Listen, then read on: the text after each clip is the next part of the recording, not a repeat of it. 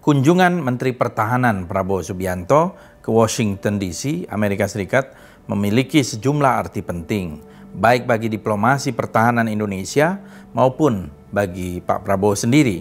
Dari sisi diplomasi pertahanan ada sejumlah arti strategis dan taktis dari kunjungan tersebut. Pertama, kunjungan tersebut akan meningkatkan kerjasama pertahanan Indonesia dan Amerika Serikat ke level yang lebih tinggi. Yang kedua,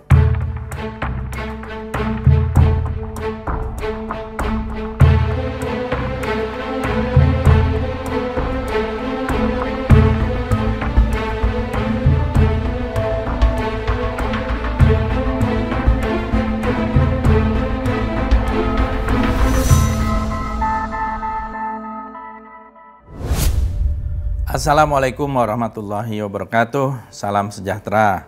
Saudara-saudara, saya punya catatan tentang kunjungan Menhan Prabowo Subianto ke Amerika beberapa waktu yang lalu. Saya beri judul Prabowo punya kapasitas untuk memainkan kartu diplomasi pertahanan dengan Amerika.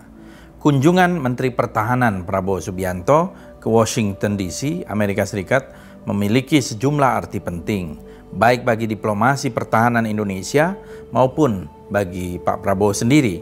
Dari sisi diplomasi pertahanan ada sejumlah arti strategis dan taktis dari kunjungan tersebut.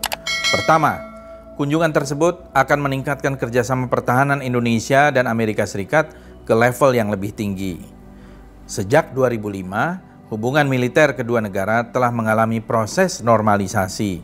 Sejumlah komitmen kerjasama pertahanan berhasil dicapai, mulai dari penyelenggaraan Forum Indonesia US Security Dialogue, International Military Education and Training, IMET, Foreign Military Financing, FMF, dan Foreign Military Sales, FMS.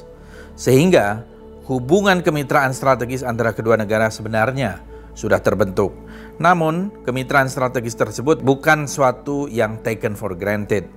Relasi tersebut perlu dirawat melalui jalinan komunikasi politik yang intensif. Sebagai tokoh militer yang terdidik dan memiliki wawasan serta jaringan internasional luas, relasi antara Pak Prabowo dengan Washington DC saya kira akan memberi banyak manfaat bagi kepentingan pertahanan Indonesia. Yang kedua, dari sisi taktis, kunjungan Menhan Prabowo Subianto ke Amerika Serikat pasti menjadi bagian dari upaya penguatan alutsista kita. Sebelum diundang ke Washington DC, kita tahu Menhan telah lebih dahulu melakukan kunjungan kerja ke Prancis, Cina, Rusia, Turki, dan beberapa negara di Timur Tengah. Kunjungan itu tentu erat kaitan dengan diplomasi pertahanan dan rencana penguatan alutsista kita. Namun, rencana pembelian sejumlah pesawat tempur dari Rusia atau kapal laut dari Cina ternyata juga disambut dengan reaksi dari pihak Amerika Serikat.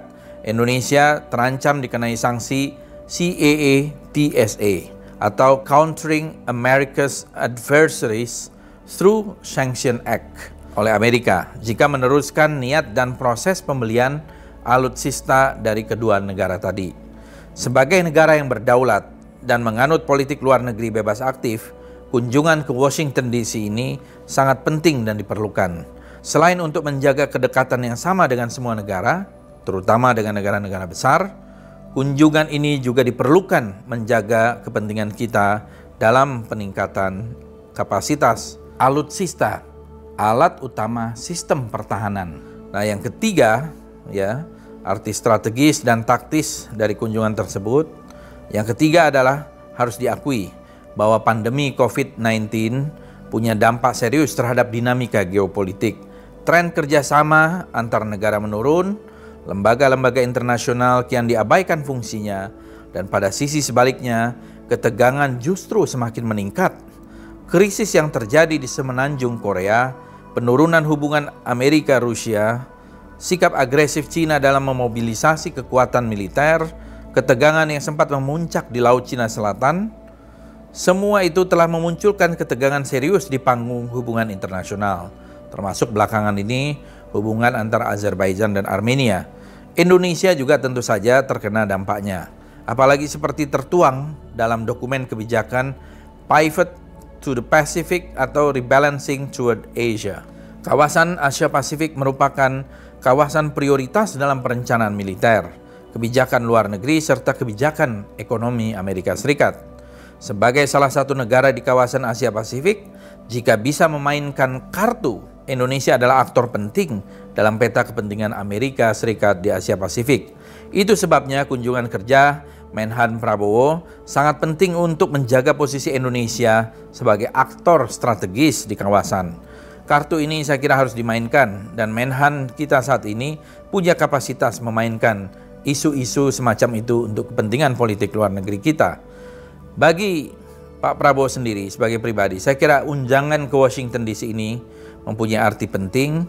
Selama ini dikesankan sebagai tokoh yang tidak bisa diterima di Amerika Serikat dan dengan kunjungan ini saya kira dengan sendirinya semua dugaan, asumsi dan buka, bahkan larangan itu sudah clear dan tidak ada lagi kontroversi.